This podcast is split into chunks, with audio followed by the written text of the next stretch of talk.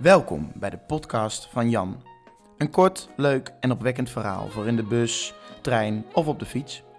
Vaak over het klimaat, want dat vind ik belangrijk.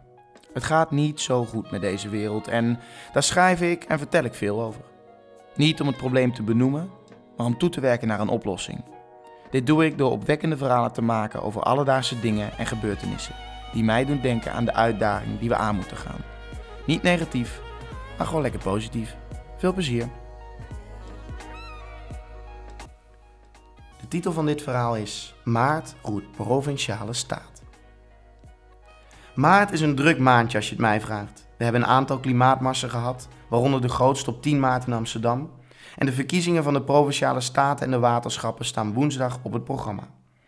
We worden met z'n allen doodgegooid met droge informatie over wat de komende verkiezingen nou eigenlijk inhouden. Maar een groot agendapunt wordt eigenlijk helemaal vergeten: het klimaat. Er zijn verkiezingen voor de waterschappen.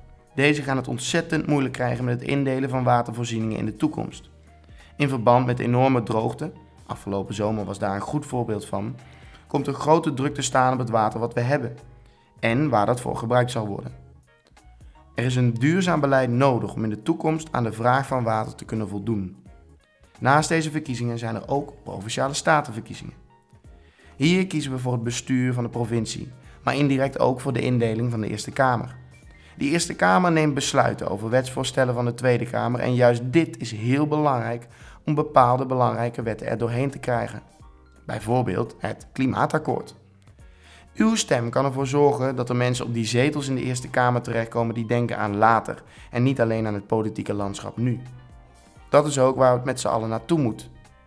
Een visie die niet beperkt blijft bij de komende vier jaar, maar een visie die rekening houdt met een verdere toekomst. Ik begrijp dat het lastig is. Ik heb zelf ook moeite met het voorspellen van de toekomst. Erger nog, ik denk dat helemaal niemand dat kan. De toekomst is relatief en we kunnen niet altijd weten waar het schip zal stranden en of het überhaupt wel zal stranden. Laten we hopen en ervoor zorgen dat het prachtige schip waar we met z'n allen op varen niet ten onder gaat, want we zitten allemaal in hetzelfde schuitje. Een schuitje met een klimaatprobleem als zwaarste anker. Het is op zich een mooie gedachte dat we het samen moeten doen en dat we een collectieve beweging in gang moeten zetten. Van de andere kant hoor ik vaak geluiden als: ja, als ik de enige ben die iets goed doet, dat maakt toch allemaal niks uit. Ik snap deze gedachte en waarom zou u überhaupt iets doen? Waarom zou een boer zijn veestapel verkleinen als Eindhoven Airport blijft groeien? Waarom zou u minder vlees gaan eten als de buren zeven dagen per week de barbecue aan hebben staan? Het is heel makkelijk om de verantwoordelijkheid af te schuiven op anderen of op de grote bedrijven. U moet echter niet vergeten dat de acties die u doet anderen kan inspireren en hen hetzelfde kan laten doen.